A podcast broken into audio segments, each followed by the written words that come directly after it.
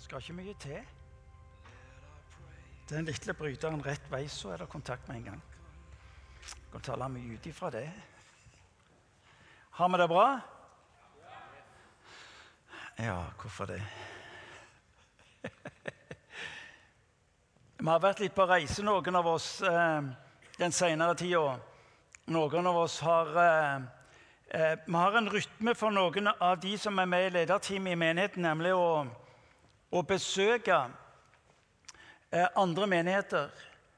Eh, og Grunnen til at det med å reise og lære av andre, besøke andre, det er rett og slett fordi at eh, vi innser at vi har ikke hele vettet alene, som de sier på godt stavangersk. Dessuten er Gud heller ikke typisk norsk. Og da kan det jo faktisk være at det er noe å lære av andre. Og hvis du nå ser på Imekirka sin historie, så vil du oppdage at eh, den historien bærer preg av at lederskapet har reist mye. Og, og nettopp ved å reise har gitt oss muligheten til å lære hva Gud gjør, og hvem Gud er. Så For, for i min så har det innebåret at, og for mitt liv har det innebåret at eh, jeg har reist mye. Og det jeg har eh, lært ved å være sammen med andre, har betydd eh, utrolig mye i mitt eget liv. For den som lever isolert og anonymt med sin tro og med sitt liv, lever i sin egen lille boble. Og så blir det nettopp det det er. Mens det vi er kalt til, det å se hvem Gud er Og veldig ofte så ser du det ved å se hva han betyr i andre mennesker sitt liv. Derfor er det så verdifullt for oss å kunne reise, møte, lære fra andre. Det er noen som aldri har behov for det. Eh, og den som tar mest på det, er faktisk den som tenker sånn. Fordi vi er skapt til sammen å leve, men også sammen å lære. Så Derfor er det en del av, av eh, sin historie det at vi alltid har lært ifra andre. Og kanskje noe av erkjennelsen også at nettopp ved å leve der, så um, har vi også fått lov til å vokse som kristne. Uh, nettopp ved å kunne komme sammen så utvides vår måte å tenke på, vår måte å se på. Når vi nå inviterer til neste helg til et møte med en Dave Ferguson, så er det ikke fordi at vi ikke har noe å gjøre på, men det er rett og slett fordi at eh, det å hente inn i dette tilfellet Dave Ferguson fra USA, som er altså en av de dyktigste vi vet om i dag eh, Hvert år så samler han på sin konferanse Exponential eh, mer enn 5000 kirkeledere eh, over hele verden som vil få tak i det han formidler, og det han deler.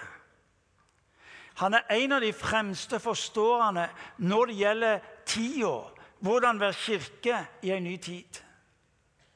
Det å sette av flere dager for å være sammen med Dave, høre hva som er hans erfaring med Gud, dele med hverandre, samtale, be sammen, er med på å føre våre liv som enkeltmennesker og menighet framover.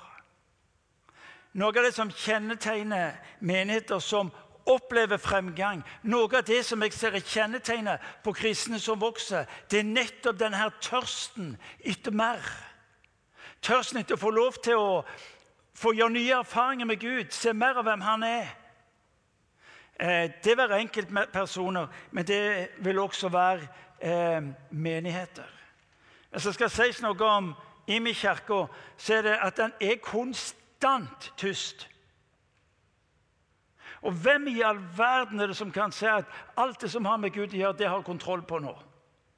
Vi er bare ved ytterkanten. Og vi tror at når vi bare presser på, jager etter, vil omfavne det Gud har, så vil vi få se mer om hvem han er, og hva det betyr i våre liv.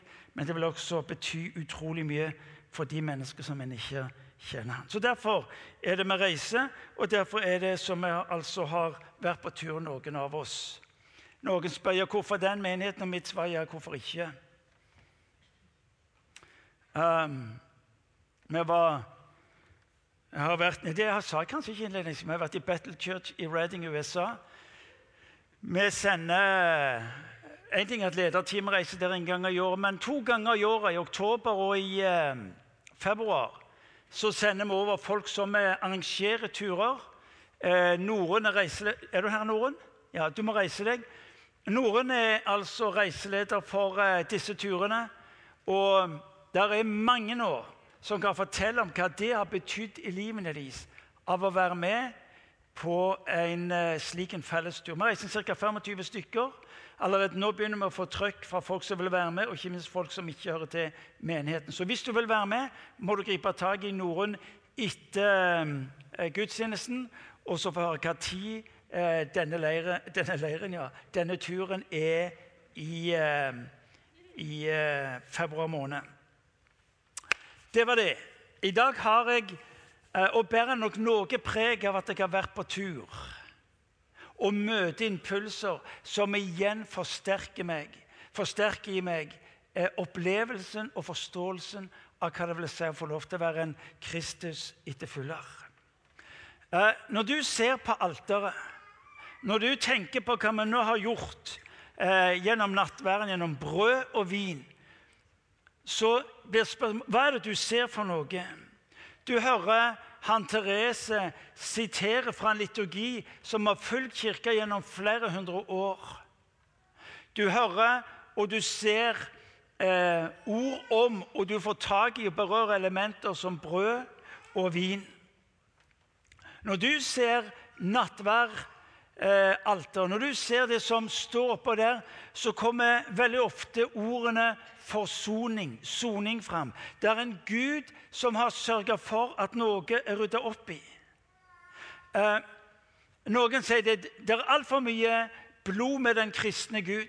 Faktum er det det sier mer om alvoret med det som var menneskets situasjon, enn det sier noe om en Gud som er på, vakt, på, jobb etter eh, blod fra mennesker. Han har gjort soning, er det ordet som du hører fra han Therese. Han har gjort soning for alle våre synder. Hvorfor soning? Jo, fordi at synden Folk sier ja, men det er ikke så farlig med synd. det lider eller mye. Problemet med synd er at den skiller. Eh, la meg gi deg et eksempel.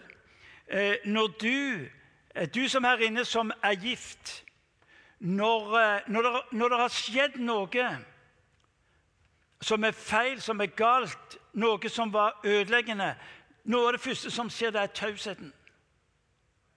Tausheten, fravær av liv, fravær av relasjon.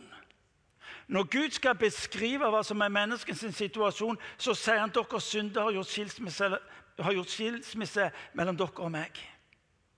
Mennesket valgte å vende Gud ryggen. Følgende er at relasjonen med Gud ryker. Følgende er for mennesket at relasjonen til Gud er ødelagt. Når du og meg ser nattværen, så er det en påminnelse om at noe en dag gikk i stykker. Men at Gud handler inn og sørger for at det som gikk i stykker, ikke lenger er ødelagt, ikke lenger et faktum. Hver gang du ser på nattverden, hver gang du tar del i nattverden, så hør og husk Gud har ikke lenger imot deg. Det er ikke lenger noe som kan skille deg og meg fra Han. Men nå skal du høre noe. Hovedfokuset med nattværen er ikke syndernes tilgivelse, men fellesskapets gjenopprettelse. Syndet var nødt til å ryddes vekk. Nattværen er en demonstrasjon, en påminnelse, er en tilgjengelighet for denne nåde. Men nattværens egentlige og dypgående betydning er det er et fellesskap som er gjenoppretta. Hvormed han har gjort fyldes for alle deres synder, sier med liturgien. Hvorfor? Slik at fellesskap mellom deg og meg skal kunne gjenopprettes. Språket er henta fra rettssalen. Det er ikke lenger noe som taler imot deg. Du er frikjent. Frikjent til hva? Frikjent til fellesskap med Gud den allmektige. Og så tas du inn i en måte skulle få lov til å tenke på og handle på som er til de grader radikalt. Når du og meg ser og hører om blod og vin, så lyder ordene fra Jesus sjøl ett med meg. Kristus i meg, håp om herlighet. Du som får lov til å ta imot nattverden, du som får lov til å ta imot det Jesus har gjort for deg, så lyder Hans ord til deg jeg i deg og du i meg. Uatskillelige. Og så kommer det fra Paulus, som, som uttrykker med begeistring Kristus i meg, håp om herlighet. Ordet som jeg vil du skal få tak i først nå, det er relasjon. Relasjon fra en Gud som elsker, med en Gud som elsker. Kristendom er ikke bare spørsmål om synd. Han forteller guttungen som kom hjem fra søndagsskolen, og så, og så ble han spurt ja, hva snakket de om på søndagsskolen i dag. da? Jeg husker ikke, sier han, men de var i hvert fall imot det. Kristendom er blitt forstått som å være noe vi er imot. Kristendom er blitt forstått som noe som ikke liker. Kristendom er blitt forstått som det er noe jeg må få tilgivelse for. Ja, det er noe du må få tilgivelse for hvis du har synda og gjort galne ting. Men poenget med kristendom er ikke primært tilgivelse, men det fellesskapet. Det er dette det plutselig åpna inn for Gud, den allmektige, åpen dør. Det er det som han har dekt opp og sagt, 'Martin, jeg har ikke, jeg har ikke mot deg.' Det er det Paulus sier. Gud har ikke mot deg, sier han. Ingenting kan skille deg ifra min kjærlighet. Kristendom ikke, er ikke hva Gud vil ha eller kreve fra deg og meg, men hva han gir. Og det mest verdifulle han gir deg og meg, det er sitt nærvær. Tenk etter. Der vi er opptatt med å holde orden på livet vårt slik at han ikke skal være imot oss. Der du og meg er opptatt med ikke gjør de galne tingene slik at vi skal falle ifra ham, så, så, er det én ting han gir oss, og det er dette som er dypet av alt han gjør i denne verden. Da han rydder plass, og så sier han Martin Det er åpent for meg. Han inviterer deg inn i sitt nærvær. Men det betyr ikke så mye. Ja, for der har du alt.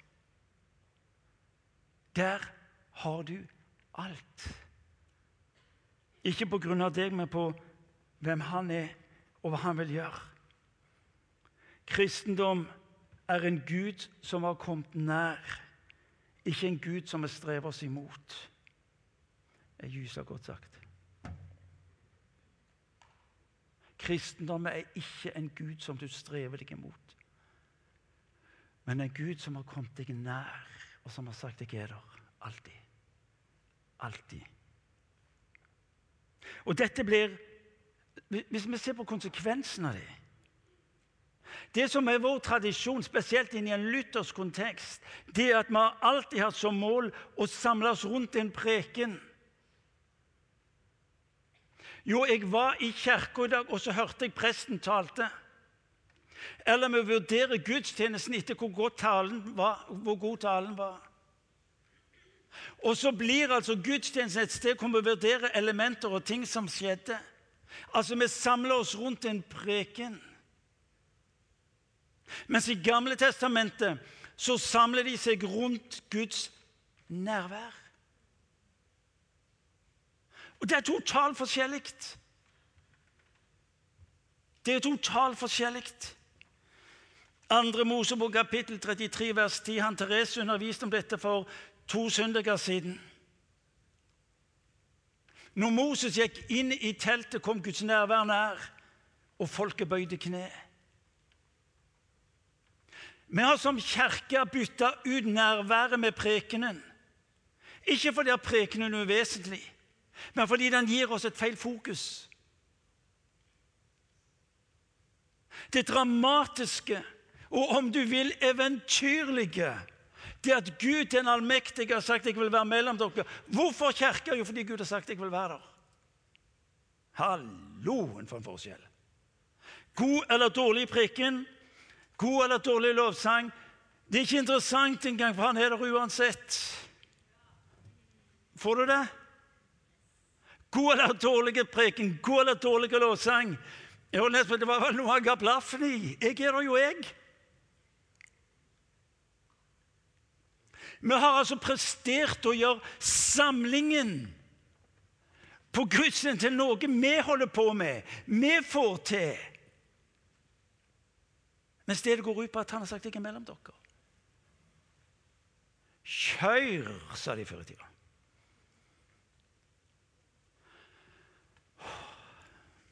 Det kan til og med lovsangslederen slappe av, og taleren kan slappe av, og de fleste av oss kan slappe av.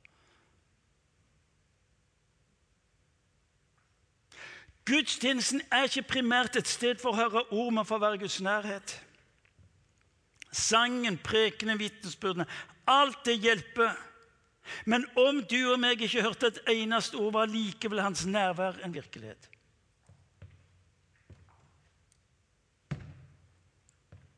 Tar du han? Det er nesten som du hører du, du tas fra alt det som har med deg å gjøre.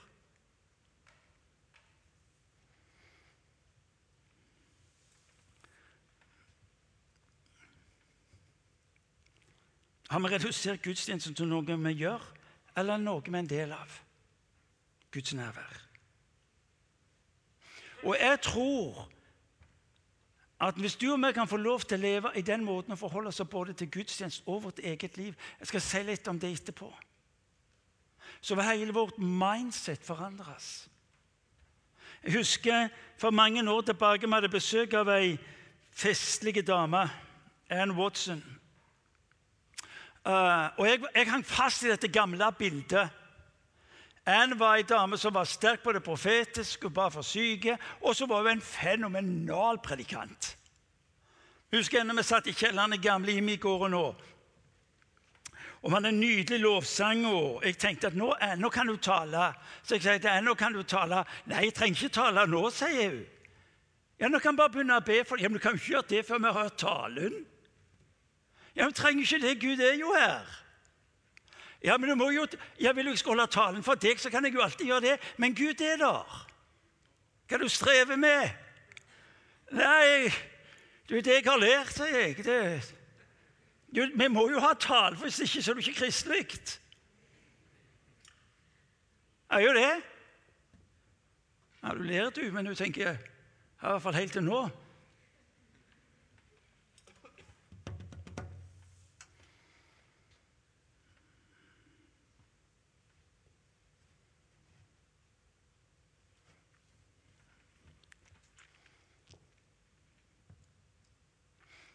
Hør nå.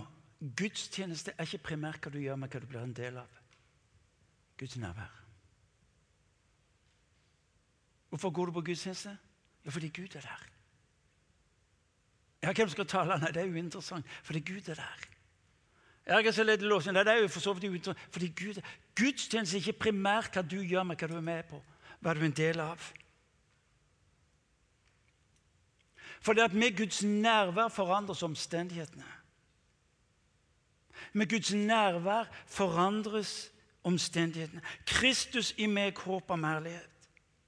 Der Guds folk kommer seg Hva sier Bibelen? Der to eller tre av dere er samlet i mitt navn. Hva sier han? Der er jeg midt imellom dere. Nærvær. Der hvor to eller tre er samla i mitt navn, der er jeg midt imellom dere. Ikke hvordan de ser ut, de som er der, ikke hva de kan, de som er der, ikke hva de gjør, de som er der, men at de kommer sammen i hans navn. Da er jeg der. Herlig fred for en forskjell. Der er håpet. Håpet om herlighet, sier Paulus. Hvorfor kommer du gudstjenesten i dag? Nei, vet du hva? Jeg, jeg, jeg syns livet er så vanskelig, men håpet om herlighet.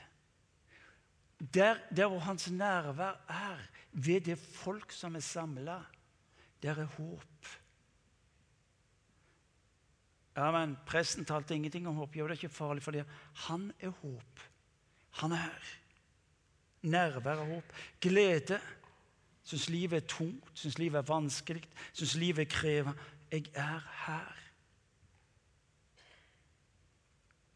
Det er nesten som man på et vis trekker til side og sier hør nå, her er jeg. Guds nærvær er der du er. Og Du kan kjenne deg så utafor, du kan kjenne deg så på sida, du kan kjenne deg så mistilpass Og så lyder det at 'jeg vil la mitt nærvær gå foran deg', står det i 2. Mosebok kapittel 34. Uansett hva dagen din er. Du leser i Apostlenes gjerninger kapittel 3. Eh, det er Peter og Johannes som er på vei opp til tempelet for å tilbe. Ut forbi så sitter der en tigger. Og han eh, tigger. Og så sier Peter noe som er uhyre interessant. Eh, vi, vi har lært han når han sier 'sølv eller gull har jeg ikke'. Ja, Det er på den ene siden erkjennelsen av hvem han er, hva han, hva han ikke har. Men det andre han sier, som ofte glemmer, det er at han sier 'se på oss'. Se på oss. Og det aner meg at han som sitter der og ser på dem, så tenker han ja, hva da, for dere ser jo ikke særlig spesielle ut. Dere ser jo, Og så er det Hvorfor sier Peter se på oss? Jo, fordi han skal forstå at dette er to vanlige mennesker. Hør nå og få tak i det jeg sier. Sølv eller gull har jeg ikke. Jeg mangler i utgangspunktet grunnleggende det som kan forandre uh, et menneske sitt liv. Sølvet eller gullet. Du kan se på deg sjøl og så kan du si jeg er jo bare et vanlig menneske. Men det jeg har, erkjennelsen av nærvær, Guds nærvær i erkjennelsen av hva jeg har, Guds nærvær, så sier jeg til deg stopp og gå. Og når det får lov til å være ditt fokus gjennom dagen, gjennom livet ditt Hva var det Jesus sa? Han sa, 'Jeg er med dere alle dager.' Alle slags dager. Hvor du er, der er han med sitt nærvær. Det, det er det siste han sier til disiplene nærværet. Vi har gjort det så ofte til et strev. Når vi ikke er på huset eller der ute på jobben, skolen, nabolaget, så har det blitt et sånt krav på alt det vi skal si. Nå må jeg si noe kristelig, nå må jeg si noe åndelig. Ja, nå må vi tale hvis det skal skje noe. Det er nesten som man tar oss inn og sier hør nå, det eneste du skal fokusere Bare vet at jeg er nær deg og at du er i mitt nærvær. Ser du det? Det er jo så fri for stresset. Det du skal få lov til å si, 'Jesus, takk fordi du er der'. Jesus, takk fordi du er der. Bekjennelsen, takk fordi du er der. Sølv og gull har jeg ikke. Vanlig menneske er jeg. Men Jesus, takk fordi i ditt navn skal jeg få lov til.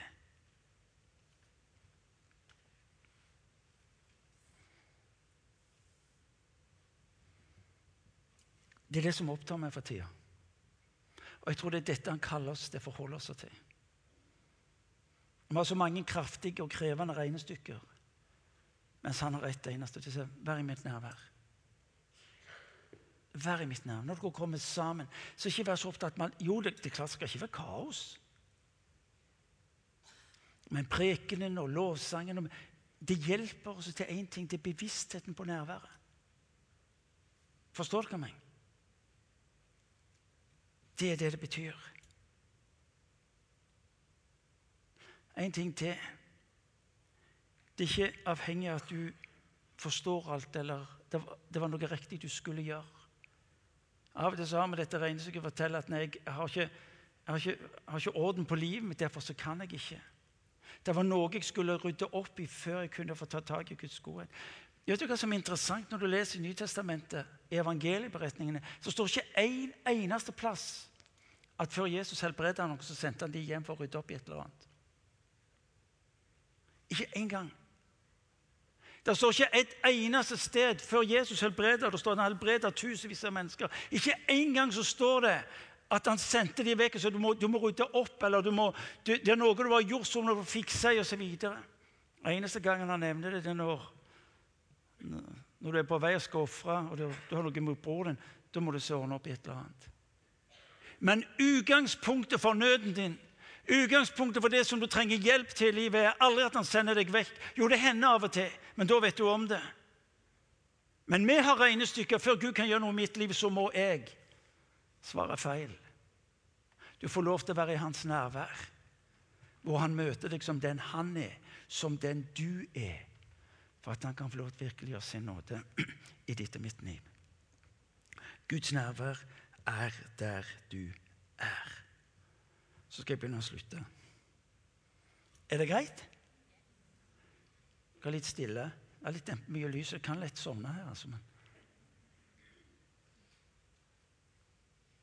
Hvis Guds nærvær er her så betyr det at du skal få lov til å definere deg i forhold til omstendighetene på en ny måte. Ofte så definerer vi oss sjøl eh, livet ut ifra omstendighetene.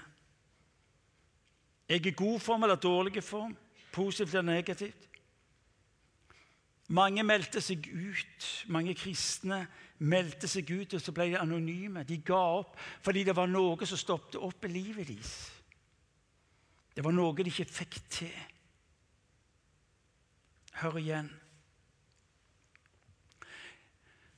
Guds svar på det som utfordringen i ditt liv, det er sitt nærvær. Vær stille og vite at jeg er Guds herre. Jeg møter folk som forteller meg ja, men Martin, jeg har prøvd. Hvor lenge prøvde du det? Tolv og et halvt minutt.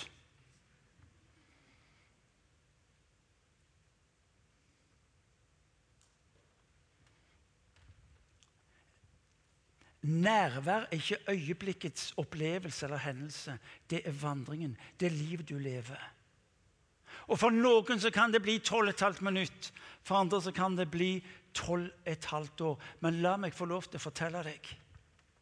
Og nå snakker jeg ut ifra erfaring. Det å få lov til å være Guds nærvær er det absolutt rikeste du kan tenke deg i livet. Også når livet er vanskelig. Fordi du slutter å definere deg ut ifra omstendighetene. Du definerer deg ut ifra hvem han er, og hvem han har sagt han vil være i ditt liv. Jeg vet ikke hva som er din situasjon. Jeg vet ikke hva som skulle vært annerledes i ditt liv.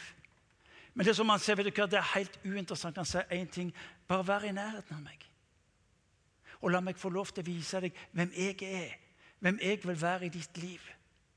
Ja, men livet er så krevende og så vanskelig. Så sier han, jeg vet det er krevende og vanskelig. Men bare vær stille, så jeg kan få vise deg hvem jeg er i dette.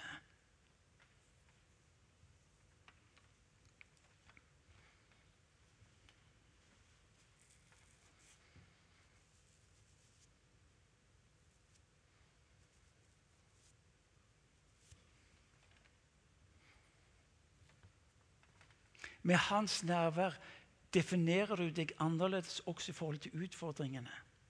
Ting som skal gjøres, ting som må skje. Du leser i 2. Mosebok kapittel eh, 14 eh, hvor det fortelles om at israelsfolket er pressa.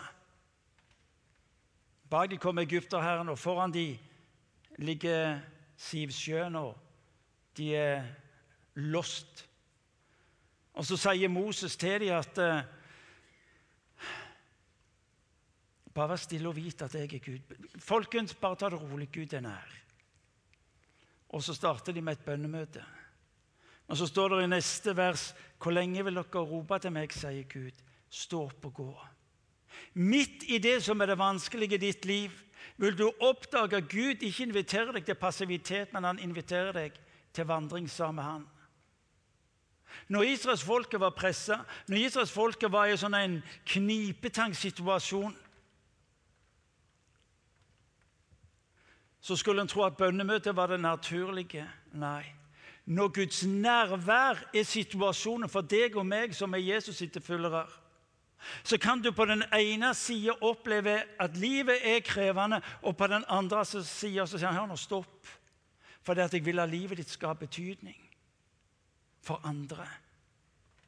Og så leser vi den uhyre interessante eh, beretningen om hva som skjer med israelsfolket. 'Jeg vil la mitt nærvær gå foran deg.'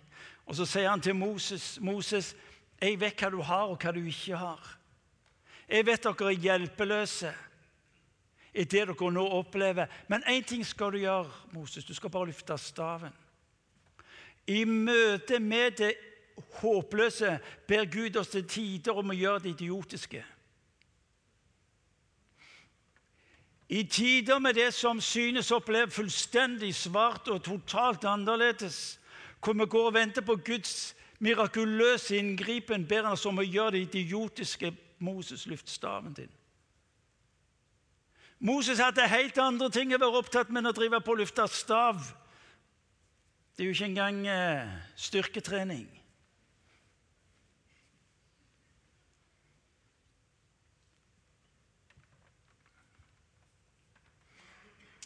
Hør nå igjen. I Guds nærvær vil du oppdage at selv det idiotiske har en enorm betydning. Fordi du får lov til å erfare og handle på det Gud minner deg om. Hvorfor blir Guds nærvær så viktig?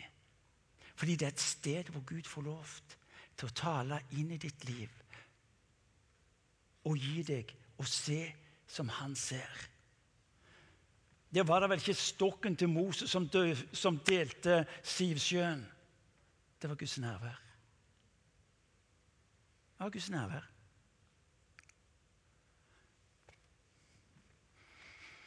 Jan er på jobb i kveld, så pinnsvennen er ikke til stede og kan si halleluja. Det senere, Du må gi beskjed om å slutte å holde seg vekke fra gudstjenesten. Jeg vet du er på jobb, men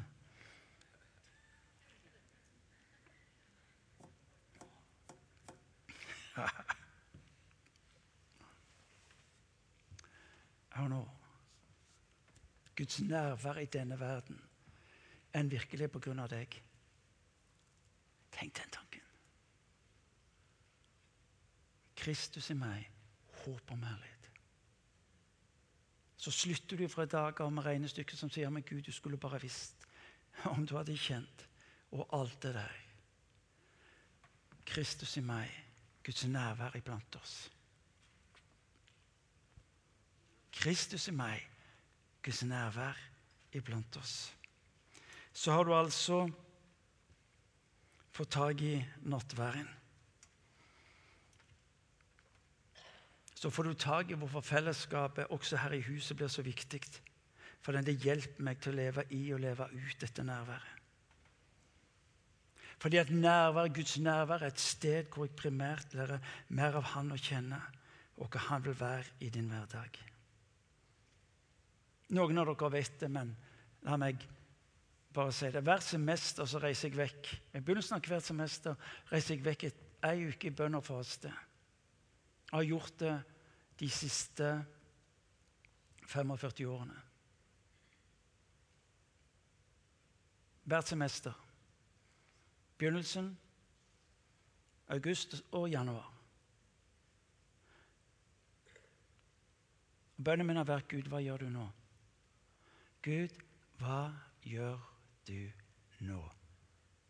Og for alt i verden, sørg for at jeg er en del av det, og ikke hva jeg klarer å finne på. Er dere med meg? Ja, det høres sikkert ysla fromt ut, men det er egentlig uttrykk for hjelpeløshet. For hvis ikke jeg får lov til å være det, så kan jeg finne på grassat mye dumt.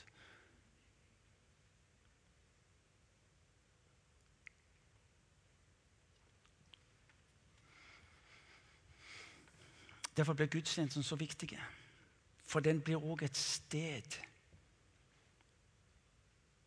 hvor vi får lov til å erfare å være sammen. Hør igjen.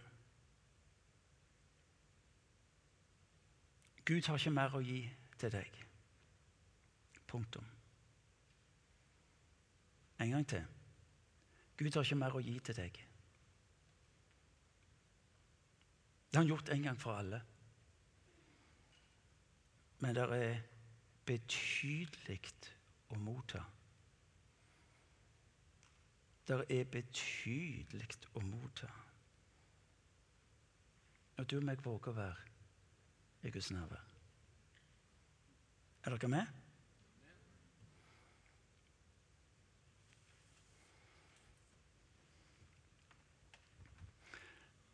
Asbjørn, vi må gjøre oss klar.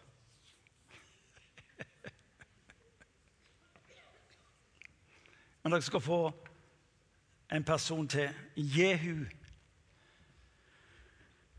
Jehu var en av offiserene i eh, Israels hær. En dag så sender Elisha en av sine profetsønner, så det står Du leser om dette her i 2. kongebok, kapittel 9.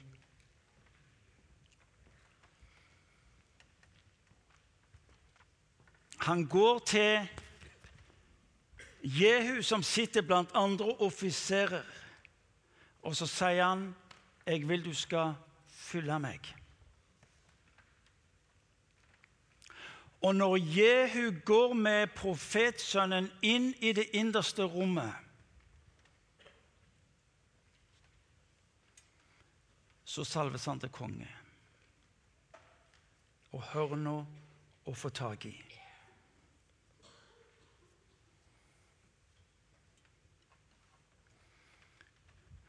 Gud ønsker å ta deg inn i sin nærhet. Om du kan ta bilder fra Jehu hvor du går inn som offiser, men du kommer ut som konge. Gud ønsker å ta deg inn i sitt nærvær. Fordi at ut ifra det nærværet skal få lov til å leve ut det liv som Gud den allmektige har lovt ditt og mitt, lovt ditt og mitt liv. Hvor han ber deg om å slutte med dine regnestykker på alt som diskvalifiserer. Til å våge å ta imot det han rekker deg. Innenfor Guds ansikt, her i hans nærvær, ønsker han å salve deg bokstavelig talt til være den kongen og den dronningen. Hvor du handler i henhold til hvem du er som sønn og som datter hvor du forstå deg å være den han har kalt deg til å være. Ved å være i hans nærvær vil du også få øye på vil du også få øye på hvem han er, og han vil være i ditt liv. La oss reise oss, og la oss be. Og